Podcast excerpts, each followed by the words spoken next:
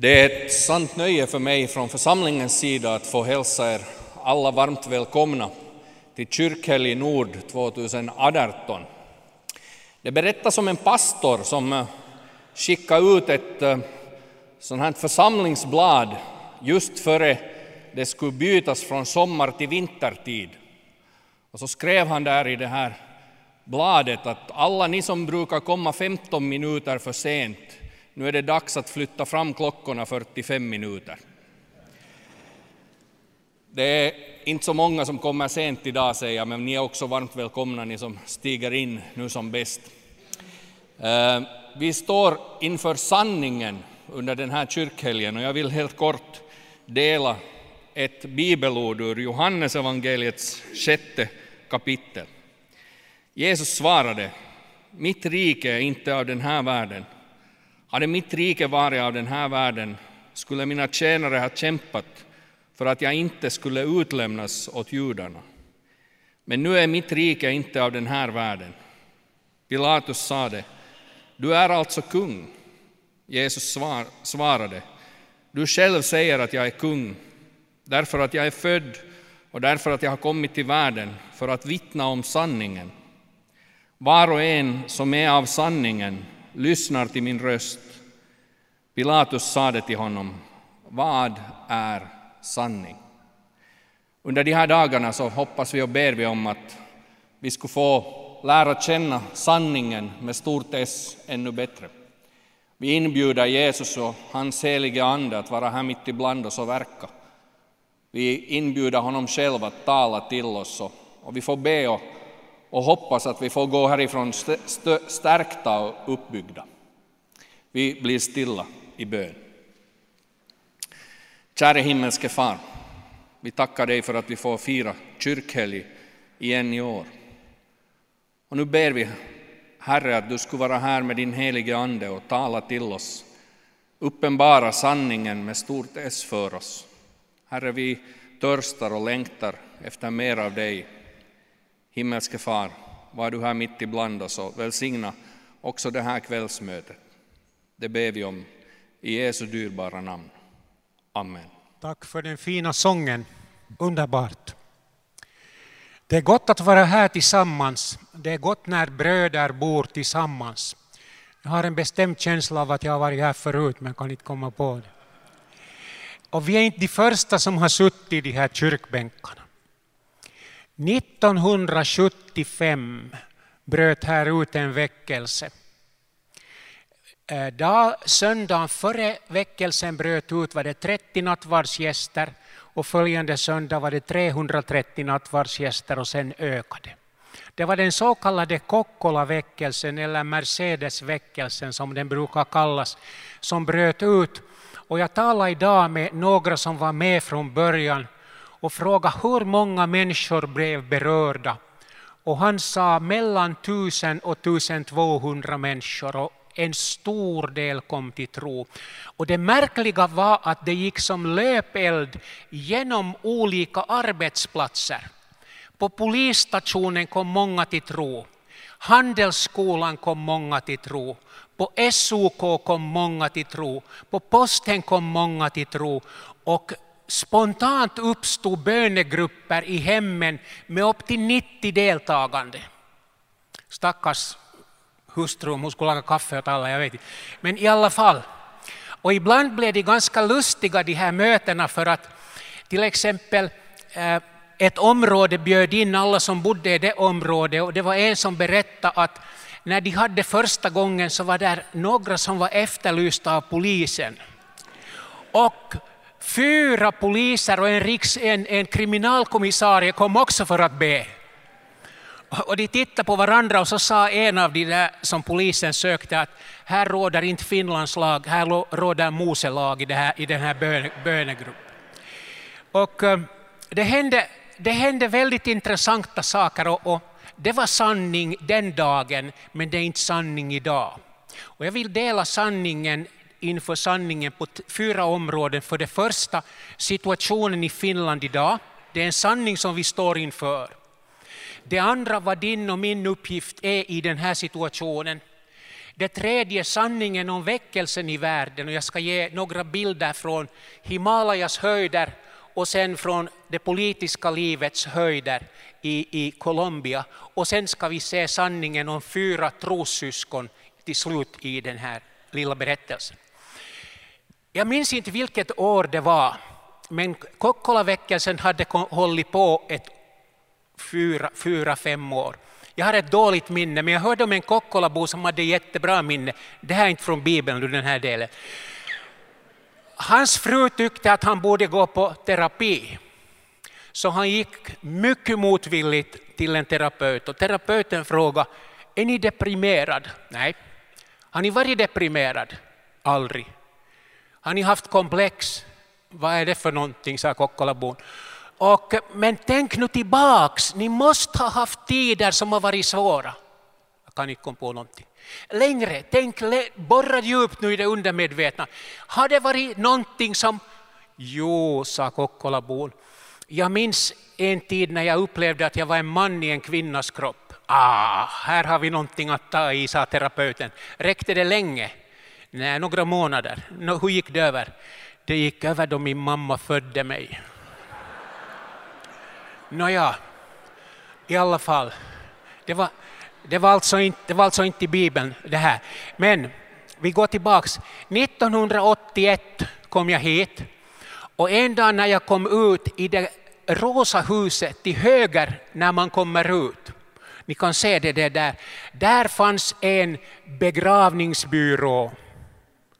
Och en dag kom bland alla kistor upp en stor affisch i fönstret där det stod Nytt liv. Rätta stället att ha en affisch där det står Nytt liv i begravningsbyrån, för han som ägde begravningsbyrån hade kommit till tro på Jesus och han ville vittna om det nya, om det nya livet. Och egentligen är det det som är kristendom, det är att mitt i världens stora begravningsbyrå så får vi sätta upp en lapp där det står nytt liv. Jesus ger inte oss en ny start i livet. Han ger oss ett nytt liv att starta med. Ett annat evigt liv som kommer in genom dopet och genom tron och det är det som vi ska tala om. Men vad är situationen i Finland idag? Det är också en sanning vi ska stå inför. Det första som jag vill säga är att vi verkar idag i Finland och i Sverige att ha tre sätt att närma sig Bibeln. En del läser någonting från Bibeln, de blir intresserade, de läser mera och de går under ordet. De säger, här är sånt som jag inte förstår. Men jag tror att Gud är Gud och att hans vishet övergår all mänsklig vishet. Och jag går under ordet och jag vill lyda ordet och följa ordet vad det än kostar. En större grupp kommer till Bibeln, läser lite av Guds ord och så går man över ordet. Det var då, det var Paulus, nu är vi så mycket fiffigare, nu vet vi så mycket mera och så går man över ordet och som, som vår gäst från Sverige sa idag, människans egen omdöme blir det avgörande för vad man tror. Det blir människan som blir, tar Guds plats. Men den stora delen av Finlands folk går förbi ordet. Det betyder ingenting mer. kommer att sätta sina spår och allt fler i hela det andliga livet i Finland som vi ska se. En annan sak som samtidigt sker är att människans uppfattning flyttas från själen till kroppen. Därför har vi gym överallt och det är bra. Att sköta sin kropp är bra, men det är alldeles uppenbart att intresse för själen försvinner och intresse för kroppen blir allt starkare. När har du senast hört någon som har sagt, jag har bekymmer för min själ?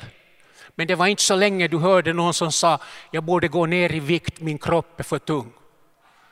Satan har ersatts av sockret i det här nya sättet att tänka där allting handlar om kroppen, kroppens njutning, kroppens välbefinnande och så vidare. Det tredje som har hänt samtidigt som en följd av att människorna går förbi ordet är att ordet kärlek har blivit så missuppfattat att Guds kärlek som ord inte mera betyder någonting. Min fru älskar mig, mina barn älskar mig, mina släktingar älskar mig, GBK älskar mig, butikerna älskar alla älskar, ja och sen Gud förresten älskar mig också. Och då betyder Guds kärlek ingenting, för ordet kärlek är så urvattnat att det kan inte för vanliga människor, inte ens för oss, beskriva hur radikalt annorlunda Guds kärlek är än allt annat som vi kallar kärlek. Och det här är någonting som vi ska observera. Det tredje som, som jag ser hända i situationen just nu är att du har kanske hört om sjömannen som hade seglat på de sju haven i hela sitt liv och så kom han hem och blev pensionär och så blev han intervjuad av lokaltidningen och så frågade journalisten Nå, är det någonting du saknar nu när du är hemma? Och så sa han en sak, vad är det? Hemlängtan. Hemlängtan var det som drev mig, sa han. När det var mörka och stormiga nätter, då tänkte jag på stugan där hemma och de som var där hemma. Hemlängtan drev mig, mina vänner. Hemlängtan är borta från församlingen idag. Nu handlar det om här och nu, be happy, be yourself, make me great again. Istället för att veta att det är hem, ett, vi har ett hem där ovan. Lyssna hur lite hemlandssånger som sjungs och lyssna på predikningar hur lite det talas om himlen. Och himlen är vårt stora trumfkort när vi diskuterar. Vem annan kan komma med ett budskap om ett liv efter detta i en underbar plats som Gud har skapat för alla som tror på honom. Och vi sätter bort det här och det är ett enormt trumfkort detta. Nå, kan man mäta andlighet? Hur kan jag säga det här? Man kan faktiskt göra det. Det finns en stor eh, organisation som heter Pew Foundation. Och de har gjort en mycket stor undersökning och det är inte en kristen organisation som heter Kristen i Västeuropa. Och där fick man i Finland flera tusen och i Sverige svara på två frågor bland annat. Har jag en evig själ? Har jag en själ? I Finland tror 73 procent att de har en själ och 27 procent tror att de inte har en själ. I Sverige tror 30, sorry nu, det gäller Sverige, det är inte ditt fel. I Sverige tror 39 procent att de har en själ och 61 procent tror inte att de har en själ. Ser ni vilka enorma förändringar som har hänt sedan de satte upp skylten med nytt liv i begravningsbyrån? Den andra frågan är, finns det liv bortom döden? 42 procent i Finland tror inte att det finns liv bortom döden. 42 procent, sorry igen Sverige, 50 procent i Sverige. Det betyder, vet du vad det betyder? Att tusentals människor varje år går in i evigheten utan tro på Jesus. Det är min stora nöd. Och det måste vara kyrkans nöd och väckelserörelsernas nöd och alla kristnas nöd. Kyrkan borde tillsätta en haverikommission snarast möjligt och se varför vi har hamnat här. Men man talar överhuvudtaget inte om det. Okej. Okay. Vad är vår uppgift i den här situationen? Vi har fått av Gud någonting alldeles otroligt fantastiskt som heter evangelium. Evangelium är ett segerbudskap i det gamla antika Grekland. När någon kom springande med meddelande från slagfältet så ropade de evangelion. Vi har vunnit. Jesus har vunnit, det är seger. Vår uppgift, din och min, är först och främst att ta emot evangelium i vårt eget liv. Vem är en kristen? Den som har tagit emot evangelium är en kristen. Och det hoppas jag gäller dig och mig. Men varför tar inte människor emot evangelium? Någon gång när jag jobbade här i kyrkan så, så sa någon, oj vad det är lite människor i kyrkan, så sa jag, jag vet nog hur jag skulle få kyrkan smockfull på söndagen. Sätter in i predikoannonsen, alla som besöker gudstjänsten idag får ett halvt kilo kaffe. Tyvärr. Och kyrkan skulle vara Alltså det som man får gratis, evangelium, löftet om syndernas förlåtelse i Jesu namn och blod, är man likgiltig för. Varför? Vem kan vara mer relevant att svara i denna situation på detta än C. Rosenius som säger i evangelium angrips vad människan allra mest älskar, sitt oberoende. Där fordras ett ovillkorligt underkastande av både förstånd och vilja under Kristi ord. Där blir all högmodsbildning och självförtröstan i grund nedslagna. Där blir blott Gud stor och människan endast en fattig syndare. Där är orsaken som vi får lyssna till.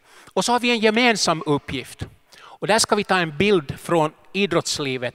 Har du sett curling någon gång? Det, det sker alltså på is och laget består av tre spelare. Man har en sån här sten, rund sån här stenkaka och så är det en som kastar den mot målet och sen är det två stycken som har kvastar och går så där. Vår uppgift är att vara de här kvastbärarna för evangelium i Karleby, var än du bor. Att göra allt vi ska göra så att evangelium skulle nå fram, komma till målet. Vi kan göra det tillsammans, vi kan göra det ensamma, vi kan göra det genom förbön, vi kan genom, göra det genom att göra gott åt människor, vi kan göra det genom att vittna. Vi ska göra vägen bättre, lättare för evangelium att nå in i varje människas hjärta så att de kan ta emot Guds förlåtelse i Jesu namn och Jesu blod. Det här är vår gemensamma uppgift. Nu kommer vi till det tredje. Nu vill jag berätta lite om människor som står inför sanningen och som tar emot sanningens ord, blir födda på nytt och får del av det eviga livet. Och då ska vi bege oss, ska vi väcka den här man, brodern med, med datorn. Då ska vi bege oss till Himalaya. 8000 meter högt, en bergskedja på flera tusen kilometer, 300 kilometer bred. Och där pågår en väckelse som jag vill presentera er åt er av den anledningen att Guds ord och Guds rike går idag mera fram i världen än någonsin förut. Det är bara i Europa som är Guds familjs sjuka barn. Men i stora delar av världen går evangelium fram genom alldeles vanliga enkla människor. Väckelsen kommer inte från topparna, den kommer inte från domkapitel och, och, och, högt uppsatta personer. Den kommer från vanliga enkla människor som tar emot Jesus Kristus och följer honom. Vårt land behöver inte flera liberala och vi behöver inte flera konservativa. Vi behöver flera radikala efterföljare till Jesus Kristus som finns överallt i samhället. Här har vi en man som vi känner till, Dalai Lama, och han hade åtta livvakter. Den här mannen på nästa bild är vår samarbetspartner Dawa som var Dalai Lamas främsta livvakt. Och när jag frågade Dawa hurdan är Dalai Lama så sa han han är trevlig, han är sympatisk, han är inte speciellt fiffig. Det var han som sa det, inte jag. Äh, men, sa han, han behöver förlåtelse av Jesus precis som du och jag. Han är en syndare som vandrar i andligt mörker. Och vad säger du om den meditation som han utövar? Han sa det är ett mörkrets träsk där man kommer djupare och djupare ända tills man fastnar. Be för honom, sa han. En dag gick han, såg han en annan livvakt som var helt annorlunda och han sa, vad är det med dig? Han sa kom med på torsdag, så gick de till en liten kyrka och så ställdes Daua inför sanningen. Och efter några besök så lämnade han sitt hjärta, syndiga hjärta åt Jesus. Han gick till sin pappa och sa att jag blivit kristen och pappan sa från denna stund har jag ingenting med dig att göra mera. Du får inget arv, om du gifter dig får barn kommer jag aldrig mera, du är död för mig. Och han tog på sig ett par jeans, två t-skjortor, en väska, kramade sin pappa och gick iväg. Och så börjar han predika evangelium om Guds rike. Och där står han uppe på bergen i Himalaya, en man, och så samlar han människor mera och mera omkring sig och vittnar om Jesus. Tillsammans börjar vi bygga ett missionscenter. En våning byggdes med pengar som kom från Jakobstad. Jag vill hålla fram det här med Jakobs, Så ökar det här antalet som, som vill komma med där och unga människor vandrar i dagar för att få komma med på evangelistskolning. där de i tre månaders tid får lära sig om evangelisation. De går ut i byarna, precis som på apostlagärningarnas tid, och människor kommer till tro. Här är det avslutning på tre månaders kursen. Här är det möte ute i en av byarna. Här är det dop. Här är det mera utflykter och evangelisation. Här har man bönemöte. Och här samlar man de ledare som under två år har fått utbildning till fortbildning. Och nu kommer de goda nyheterna. Martyrkyrkans vänner har varit med och stött det här i nästan tio år och hittills har vi sänt ut över tusen evangelister i ett område över sju länder. Över tusen evangelister. Och i morse var jag i kontakt med Himalaya och frågade hur många tror du har kommit till tro de senaste tio åren? Och han sa minst 75 000 men antagligen betydligt fler. Men 75 000 har kommit med i församlingarna. Sen har vi många, många som, som, som är på väg in. Det, det andra exemplaret som vi ska se, det här är Colombia. I Colombia pågick ett inbördeskrig i över 50 år och det verkar helt hopplöst att få eh, fred. Eh, över 4 000 pastorer dödades. Nu ska du höra vad jag säger. Över 4 000 pastorer dödades i Colombia och jag är så glad att det inte var kvinnor. Och eh, så går vi vidare. Över 200 000 stup, gå tillbaka till den där bilden, 200 000 stupade och 60 000 är försvunna. Och Gud förändrar allting när en man ställdes inför sanningen. Och han var fem år. Han heter Rass och här är han på bilden. Pappan, de bodde i Minneapolis, kom hem från jobbet och köpte fel bok i en bokhandel. Han gav den åt pojken och sa här är en gåva, titta hur de har i Colombia. Och femåringen öppnar boken och säger men varför är kvinnorna blåslagna? Varför är karlarna druckna? Varför går barnen inte i skolan? Det är för att ingen bryr sig om, om dem, sa pappan. Och så säger femåringen, men pappa du bryr väl dig om dem? Ja, jag har inte tänkt så mycket på det, sa pappan. Men säger femåringen, varför far inte någon dit som missionär? Ja, men ser du, man måste ju ha en kallelse, inte kan man bara åka ut hur som helst, man måste få en kallelse. Då faller femåringen ner på knä och så säger han, Gode Gud, du har gett mig kallelsen att fara till Colombia som missionär. Men kan du ge den också åt min pappa, för du är bara fem år och jag får inte resa ensam.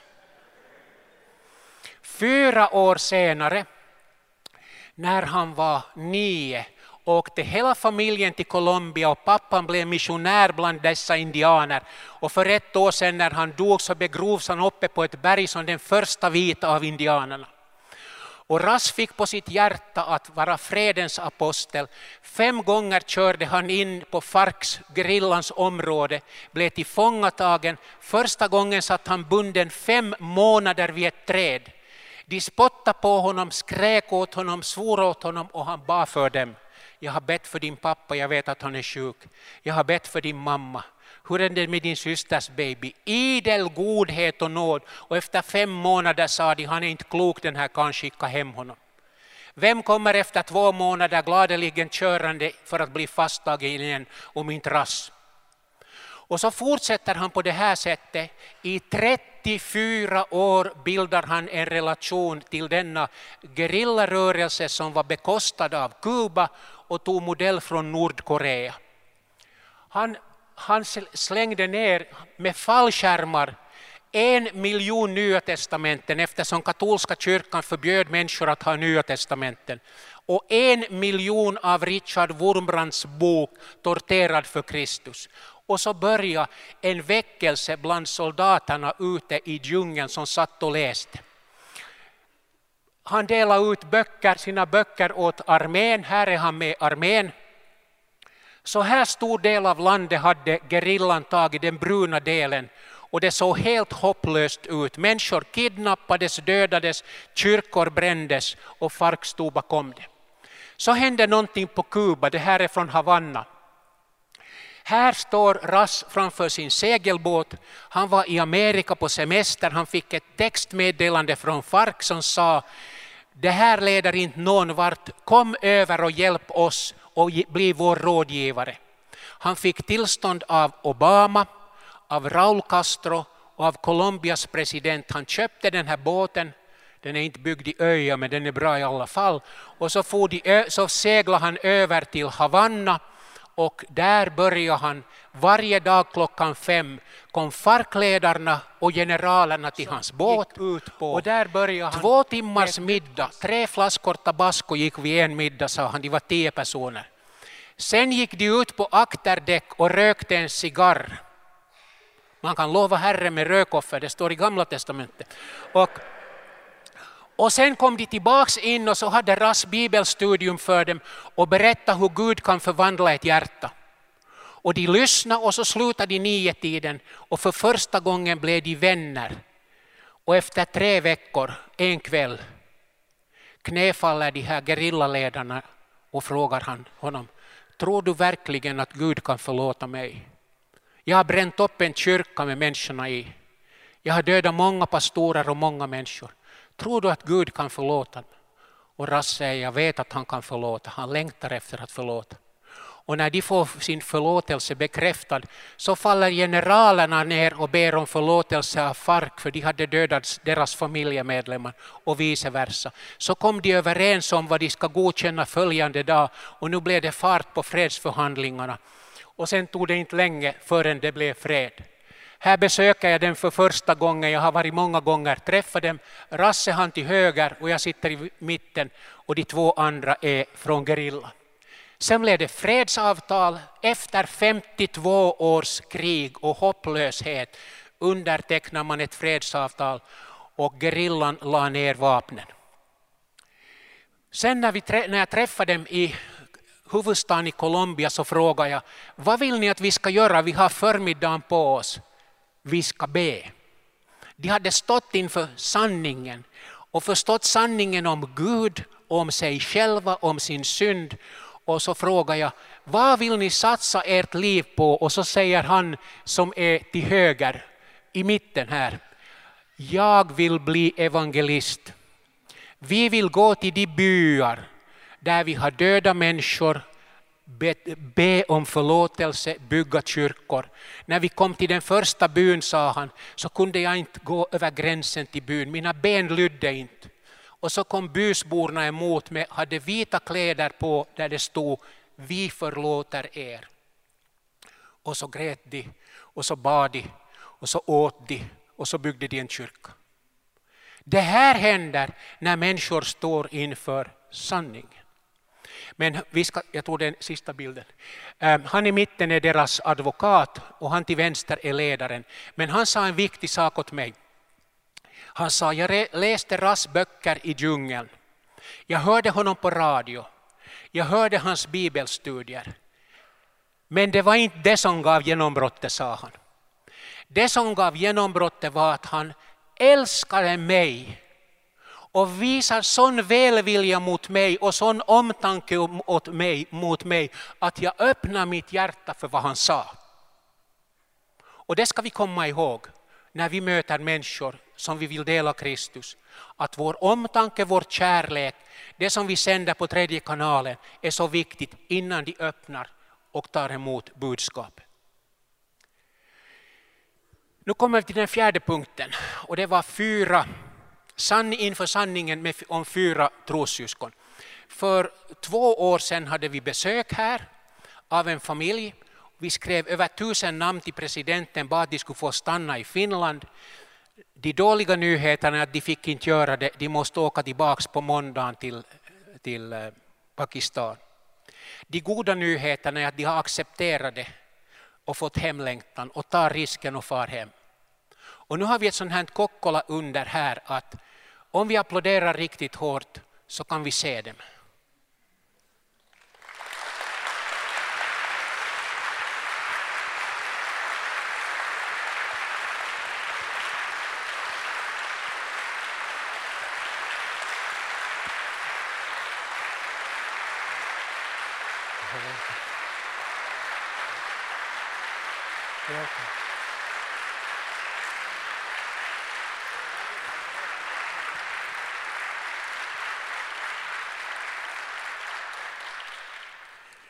Dear, dear friends, we are so happy that you had the time to come and visit us because you, you are very soon going back. So we want to give you a gift. And we have a gift for Madame also there, you will have it. And we want to pray for you and we want to bless you before you go back to, to Pakistan. So nice girl and boy. So I suggest that we all stand up and we pray for them and then we bless them. Himmelske Fader, vi tackar dig för att du är nära också våra syskon när de reser till Pakistan. Vi ber att du binder alla onda makter, alla som står efter deras liv och att du visar dem kärlek och nåd och att du leder dem till ett nytt hem och till en skyddad miljö. Vi ber för barnen att du ska vara med dem i skolan och att de för sin kristna tros skull inte ska behöva lida. Vi tackar dig för att vi får lämna dem i dina händer och att vi tillsammans, alla tillsammans får välsigna dem, höja händerna och välsigna dem. Herren välsigne er och bevara er. Herren låter sitt ansikte lysa över er och vara er nådig. Herren vände sitt ansikte till er och giv er frid. I Faderns och Sonens och den helige Andes namn. Amen. And now we want to sing a song for you. Nu ska vi sjunga en sång för så er. får vi bjuda upp en av kyrkhelgens huvudtalare, Stefan Gustafsson. Välkommen upp. När du har fixat det tekniska.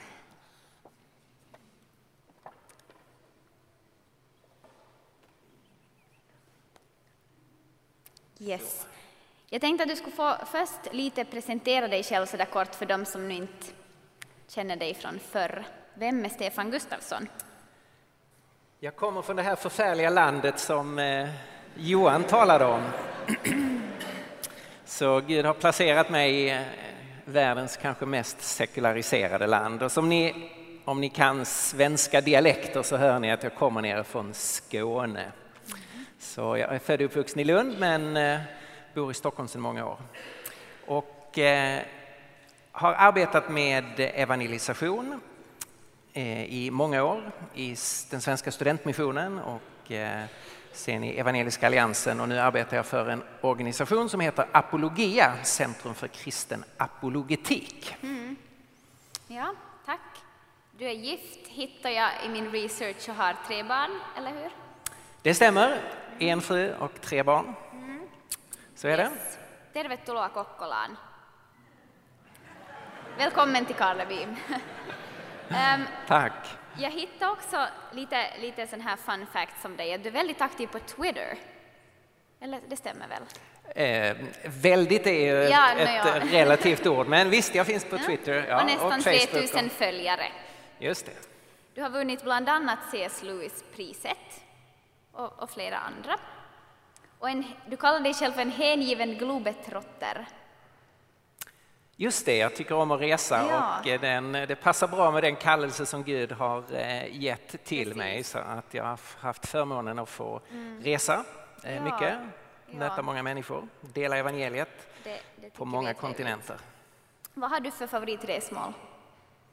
Favorit Resmål? resmål? Vad är, vad är Ja, det har faktiskt på senare tid eh, blivit en vacker ö utanför Mm. Stockholm, nämligen Gotland. Okej, just det. Väl värd att besöka. Tack för tipset. Och du har varit förr på kyrkhelg, eller hur? Visst Jag har varit här oss? Mm. en gång tidigare. Jag kommer faktiskt inte ihåg säkert vilket år det var, men Några år tillbaka. just det. 13, kanske. 13 kanske? Inte år, utan 2013. Mm. Tack ska du ha. Välkommen tillbaka. Så. Varsågod. Tack.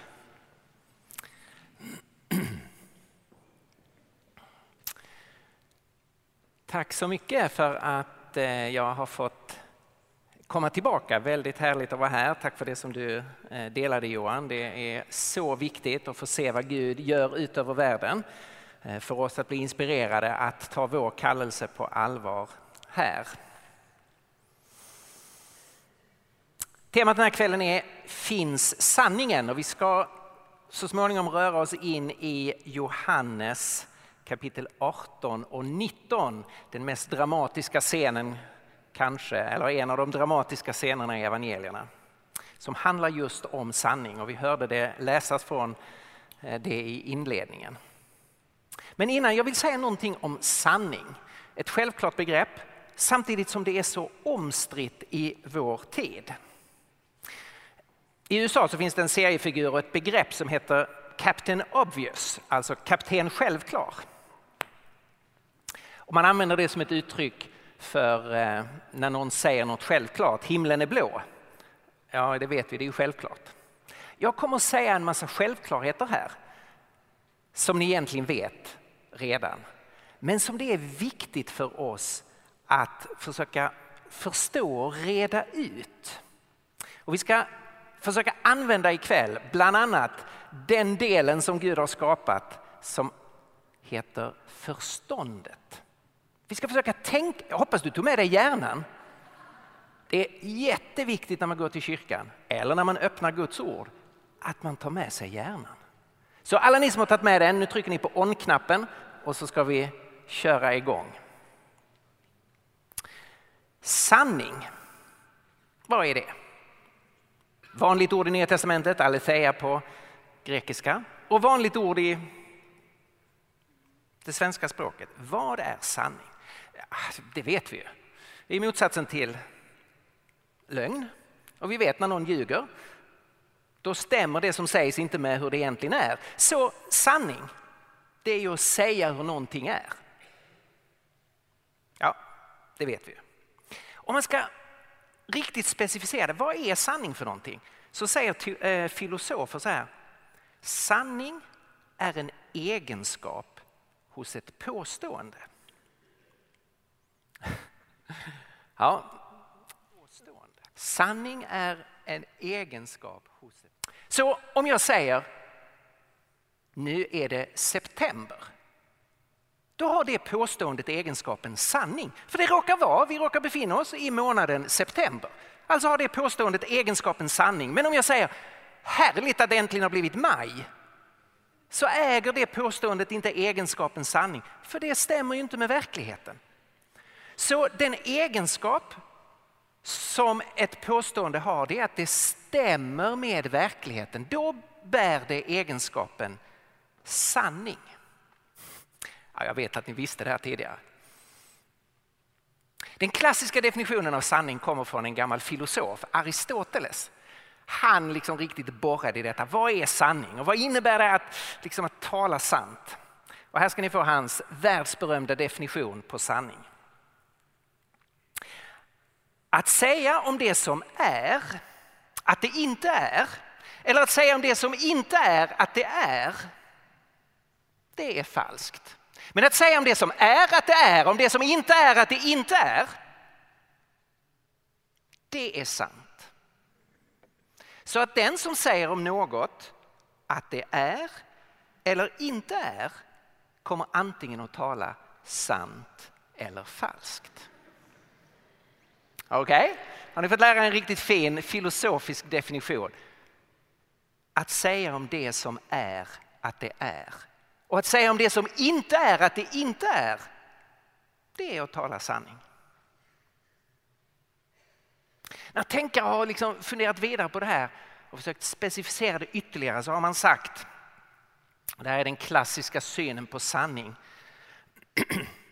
När man då säger att ett, ett påstående stämmer med verkligheten så betyder det att man menar att det stämmer objektivt. Alltså det, det är inte för att jag säger det. Det är inte subjektivt sant, utan det är sant utanför oss och oberoende av oss. Om jag dör så är det fortfarande september. Det är inte beroende av mig, det blir inte plötsligt maj för att jag dör. Det är objektivt sant att det är september. Det är inte subjektivt sant. Det är universellt sant att utifrån hur vi har kategoriserat och namngett månaderna så är det nu månaden september. Och det förändras inte om jag åker till en annan kontinent. Det är fortfarande september. Jag föddes 1960. Det är objektivt sant. Det var en händelse som ägde rum. Det är också universellt sant. Det förändras inte av att jag befinner mig på en ny plats och plötsligt blir jag född 1945. Det är fortfarande sant, oavsett vilken plats jag befinner mig på. Det råkar faktiskt vara evigt sant att jag föddes 1960. För all framtid. Det, det förändras ju inte av att tiden går så att om 300 år visar det sig att jag föddes något annat årtal. Och man har tänkt att sanningen är principiellt sett åtkomlig. Vi kan veta hur det är. Inte om allting och varenda fråga, men principiellt så går det för oss människor att veta någonting om vad som är sant. Även om man inte har kunnat använda de här orden så är det ju så här de flesta människor i vår kultur har tänkt. Sanning, det är att säga som det är. Sanningen är objektiv, universell, evig, åtkomlig. Nu har det hänt något väldigt dramatiskt. Hela vårt begrepp av sanning har förändrats i vår kultur. Har undergrävts och förskjutits så vi nu har en ny uppfattning om sanning. Om man besöker universitet som jag, jag gör en hel del och om ni hade varit inte människor på en kyrkhelg utan ni hade varit en grupp studenter på en högskola och universitet någonstans i Sverige så hade den här frågan om sanning varit väldigt känslig och en stor mängd studenter, inte minst om man läser humaniora, de hade protesterat mot den här synen på sanning och hade gått in för en annan uppfattning om vad sanningen är för någonting. Varför i all sin dag har sanningsbegreppet förändrats? Jag ska snart gå in på hur det har förändrats. Men vad är det som gjort att vår kultur inte håller kvar vid sanningsbegreppet? Det finns ett antal skäl. Det har funnits ett, ett missbruk av sanningen från statskyrkor och när kyrkan har gått ihop med staten och sådär så har man missbrukat sanningsbegreppet och sagt detta är sant, därför ska du lyda mig. Detta är sant, därför måste du göra så. Och så har sanningen kommit att förknippas med förtryck på ett negativt sätt. Och där måste vi säga att lutherska statskyrkor i Norden har sin skuld i det. Och sen kan vi se politiska ideologier som har sagt det är så här och nu lyder du mig. Tänk på kommunismen.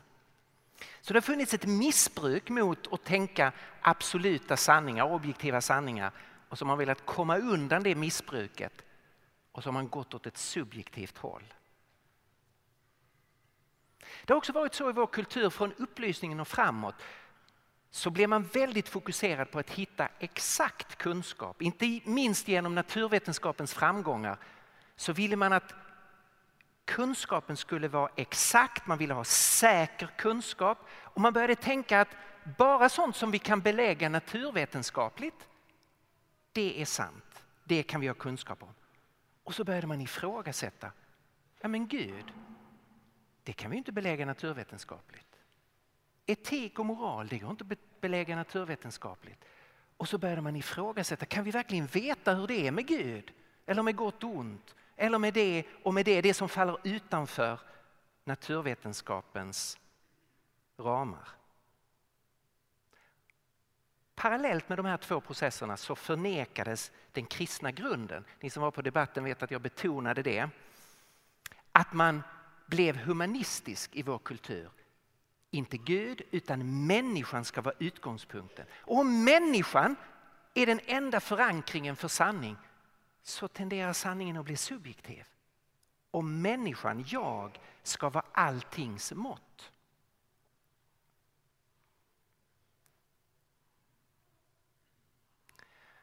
Och då har vi fått sanning i en postmodern tid. Och det sanningsbegreppet motsäger det klassiska sanningsbegreppet. Så nu är sanningen inte objektiv, den är subjektiv. Det är sant som jag vill eller tycker eller upplever eller önskar eller känner. Framförallt det jag känner är sant. Det är sant.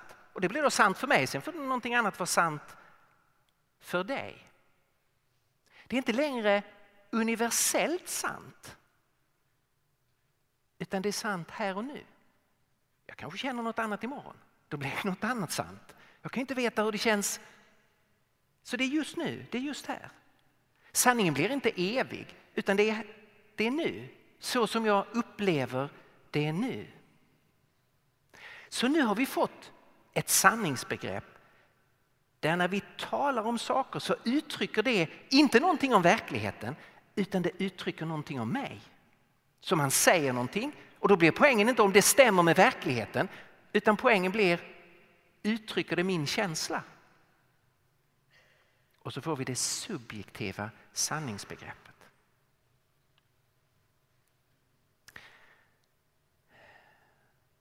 Detta har skapat en enorm förvirring i vår kultur och utgör förstås ett oerhört hinder för evangeliet. Därför att, som vi strax ska se, när vi lyssnar till evangeliet så ställs vi inför en utmanande och samtidigt underbar som handlar om någonting utanför mig, men absolut bergfast. Men som berör mig på ett djupt sätt. Det finns ett avsnitt i Nya Testamentet som är väldigt intressant och som vi ska läsa och titta på och försöka spegla vår tid där vi har den här schismen mellan objektiv sanning och en postmodern subjektiv sanningsuppfattning. Och det är förhörsscenerna i Johannes kapitel 18 och 19.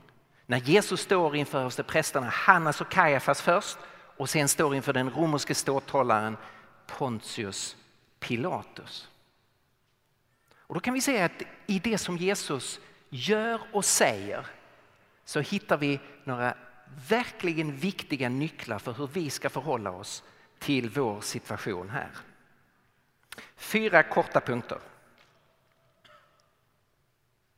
För det första. Vårt budskap som vi är kallade att dela med vår kultur, evangelium, de goda nyheterna, det är ett öppet och offentligt budskap. Vi är inte gnostiker som håller på med hemliga saker. Vi håller inte på att initiera er folk in i märkliga andliga hemligheter så att du får ta ett steg utan att veta vad som är nästa steg och vad som sker sen och vad som är den yttersta sanningen som vi egentligen tror på. Nej, nej, nej, nej, nej. Ingenting av det vi tror på är hemligt. Du kan få reda på allt innan du blir en kristen. Du kan undersöka, försöka förstå, tänka igenom, ta ställning till alltihopa. Därför att kristen tro är ett öppet och offentligt budskap. Johannes kapitel 18, vers 19 och 20. Då har man ju gripit Jesus. Man vet ju egentligen att han är oskyldig men nu måste man försöka pressa honom i förhör för att hitta någon punkt att döma honom. Och då är det till att börja med översteprästen Hannas. Han frågade Jesus om hans lärjungar och om hans lära. Alltså Jesus, vad står du för? Och dina lärjungar, ni tillsammans, vad är det ni vill? Då svarar inte Jesus genom att gå igenom sin lära. Man skulle kunna tänka sig det att han då hade, ja, nej, men min lära är om jag predikar Guds rike och nej. Han säger så här. Jag har talat öppet till världen. Jag har alltid undervisat i synagogorna och i templet där alla judar samlas. Jag har inte sagt någonting i hemlighet. Varför frågar du mig? Fråga de som har hört mig vad jag har förkunnat för dem. De vet ju vad jag har sagt. Alltså, det är ju inte det att Jesus inte vill säga vad, vad det är som är hans budskap. Men han markerar ju här att han har arbetat i det öppna, i det offentliga. Vem som helst i Jerusalem kan berätta vad, vad Jesus stod för, vad han hade gjort, vad han hade sagt, vad som var hans ärende. Fråga.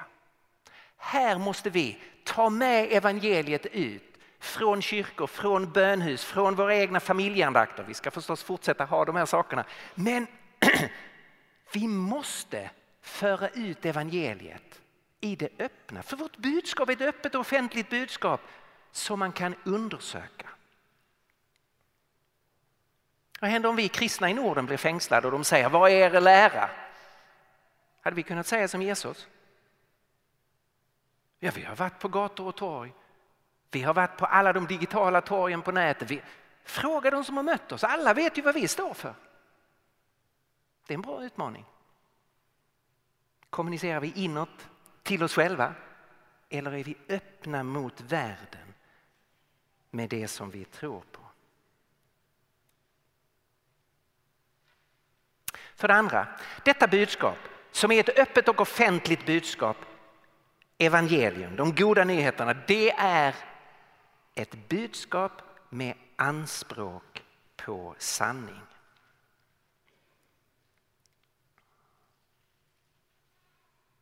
Vi flyttar oss lite längre fram i, eh, i texten. Nu har Jesus förts från Hannas och Kajafas till Pilatus. Och Pilatus var ju normalt sett inte stationerad i Jerusalem. Han var ju stationerad Caesarea vid havet där romarna hade residenset och där han hade alla soldaterna. Men nu var det påsk. Tiotusentals pilgrimer kommer upp till Jerusalem. Risken för rabalder, eventuellt uppror, är stor. Så nu måste Pilatus med soldaterna komma till Jerusalem. Därför har ju Pilatus inte haft så många chanser att lyssna till Jesus. Han hör anklagelserna mot Jesus men vill också föra ett eget samtal med honom. Och i det samtalet säger Jesus så här. Jag har fötts och kommit hit till världen för denna enda sak. Att vittna för sanningen. Ser ni vilken stark betoning Jesus har på sanningen? Jag har fötts och kommit hit till världen för denna enda sak. Att vittna om sanningen. Vad som ytterst sett stämmer med verkligheten. Hur det ytterst sett är. Den som hör till sanningen lyssnar till min röst. Alltså om du är öppen för sanningen så kommer du att lyssna till mig. Och det är den här situationen som Pilatus visar vilken cynisk person han är. Och Pilatus svarar. Han vill inte ta i sanningsfrågan. Han glider in i samma spår som vår kultur har glidit in i. Vi kan inte veta vad som är sant. Varför bry sig om objektiv sanning, om hur det verkligen är? Här står han inför livets upphov. Här står han inför det gudomliga ordet genom vilket allting har blivit till. Här står han inför honom som är själva meningen med hans egen existens. Här står han inför honom som har en makt som övergår allt vad romarriket med sina soldater har. Här står han inför honom som är hela universums framtid. Som allting kommer att röra sig mot. Han som ska nyskapa allting. Han står inför sanningen. Och han får en inbjudan. Lyssna till min röst. Och han bara skakar av sig allting. Vad är sant? Vilken tragedi. Vilken tragedi. Vår kultur har inte på detta konkreta sätt stått inför den historiska kroppsliga Jesus från Nasaret. Men våra nordiska länder har ju på ett annat sätt stått inför evangeliet med detta fantastiska budskap. Och så har så stora delar av vår kultur börjat säga, vad är sanning? Och så glider livets rikedom ur ens händer.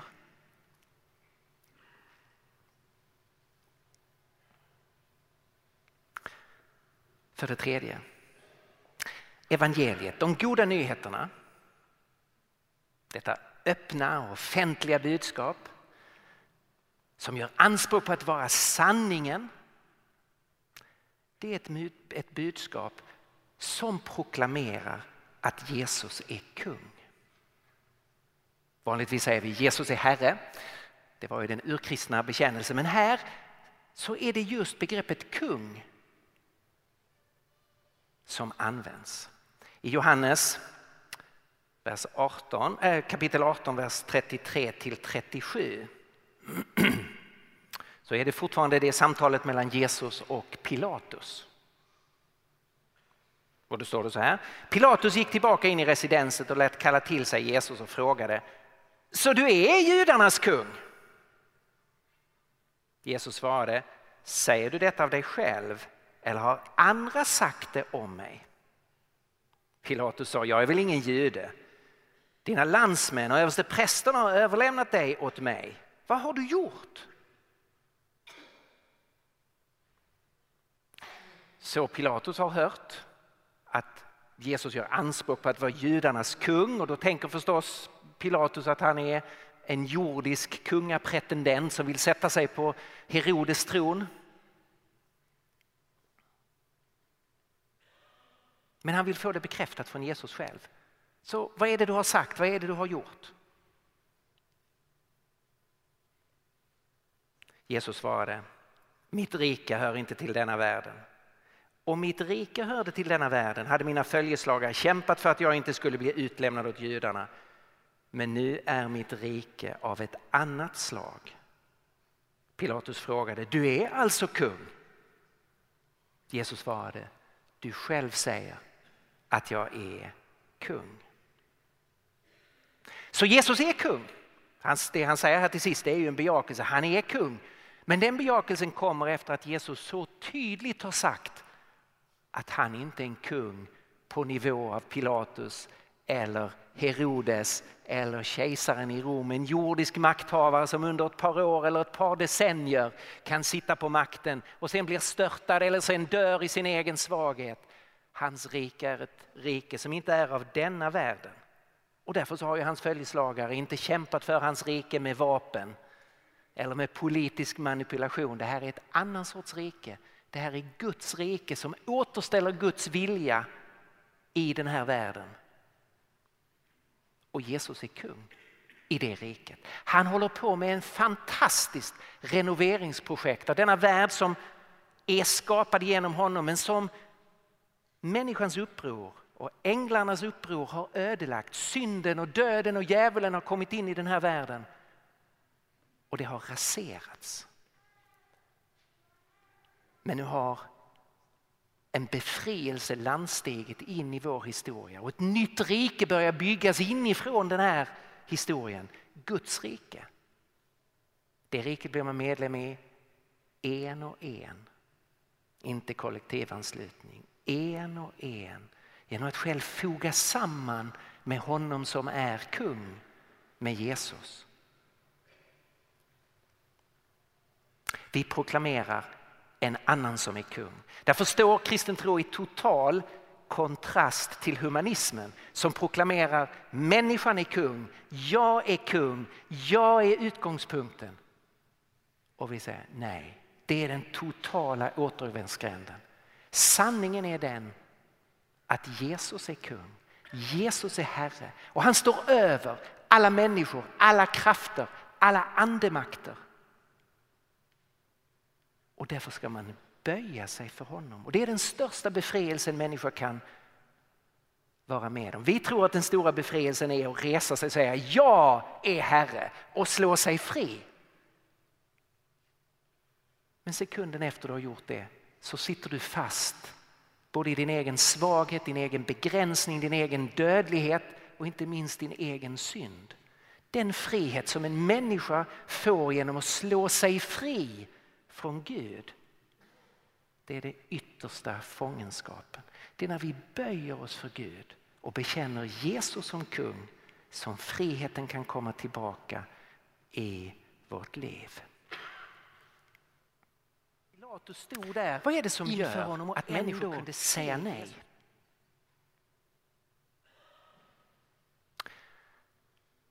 Här finns en dimension som förstås har med det som jag har försökt stimulera oss att använda tänkandet.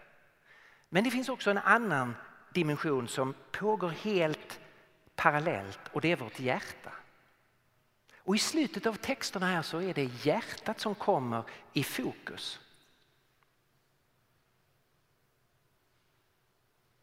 Det vi kan se är att översteprästen Hannas och Kajafas, de är för säkra från början. De tror att de vet. De är inte öppna för att undersöka. De är inte beredda att tänka efter, de är inte beredda att omvända sig. De vill stå fast vid det de har. Pontius Pilatus, han å sin sida är för cynisk. Han avvisar sanningen, han förnekar det han vet. Hans cynicism går ju i dagen i det som sker sen. Tre gånger säger Pilatus inför allt folket, alldeles offentligt, jag finner inte denna man skyldig till något ont. Ändå dömer han honom till döden. Han bryr sig inte ett skvatt om sanningen. Han dömer en oskyldig man till döden. Han har blivit cynisk. Problemet här är den underliggande agendan, vad vårt hjärta är.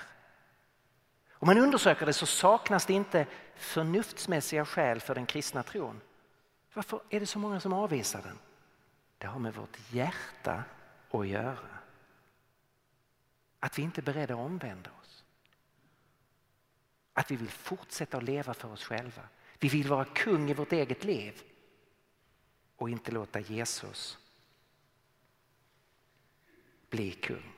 Det som Chesterton har sagt när en människa närmar sig kristen tro. Han har kommit för nära sanningen och har glömt att sanningen är en magnet med kraft att både attrahera och repellera. Så är det faktiskt med Jesus också. Han är den mest attraktiva personen som någonsin har existerat. Att komma in i dragningsfältet av hans kärlek och barmhärtighet och nåd, hans klarhet, hans vishet, det är underbart. Det drar människor till honom. Men om du inte vill böja dig för honom så finns det en annan kraft. Då kommer du att repelleras bort ifrån Jesus.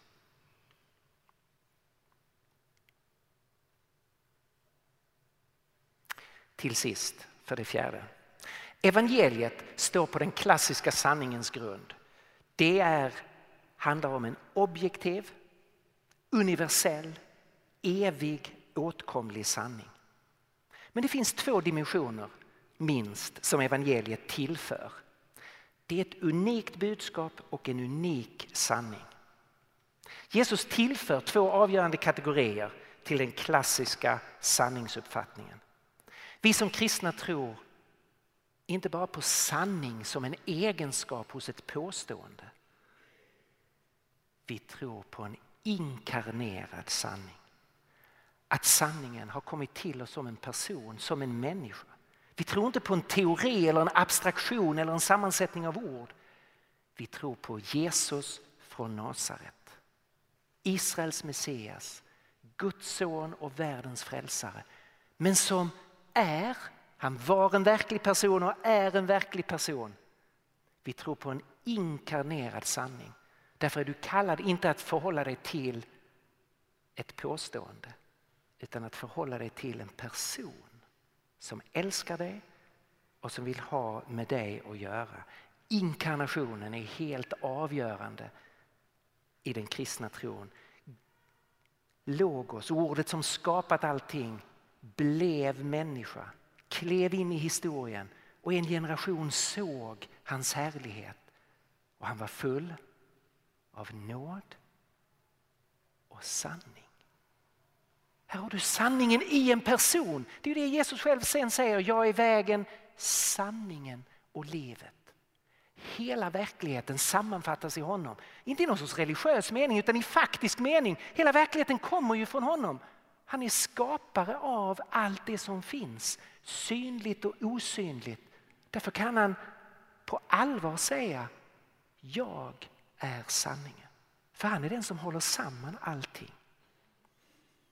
Och vi har följt Jesus i rättegången. Den slutar om några verser med att Jesus döms till döden, förs ut för att avrättas för vår synd. Vi tror på en korsfäst sanning. Inte en sanning som tar den politiska makten och förtrycker folk. Vi tror på en tjänare som har lagt ner sitt liv, som har burit bort folkets synd och därför möter Jesus dig vapenlös på ett kors. Därför möter sanningen dig i utgivande kärlek. Där han tar din skam, ditt mörker, din synd, din hopplöshet. Bär det upp på korset och öppnar en väg till Gud. Detta finner du inte i någon annan religion, inte i någon filosofi, inte i någon mänsklig vishet, inte i något tankesystem som en människa har tänkt ut. Du kan finna ett påstående men i kristen tro möter du en person, en inkarnerad sanning, en korsfäst sanning som har kommit för att betjäna oss. Här är ljuvligheten och det underbara i den kristna tron.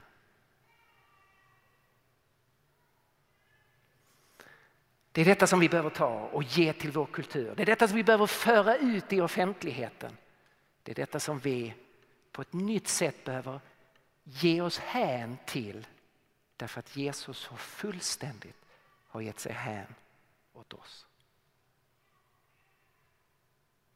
Herre, vi tackar dig för att du är sanningen och för att du personifierar allt som är sant, allt som är gott, allt som är verkligt och allt som är kärlek. Och vi ber dig nu att du ska tända tron i våra hjärtan och tända kärleken till dig och till ditt verk i våra hjärtan. Du som har älskat oss först och gett dig själv för oss. Tackar dig för det underbara budskap vi har att dela med vår samtid. Amen.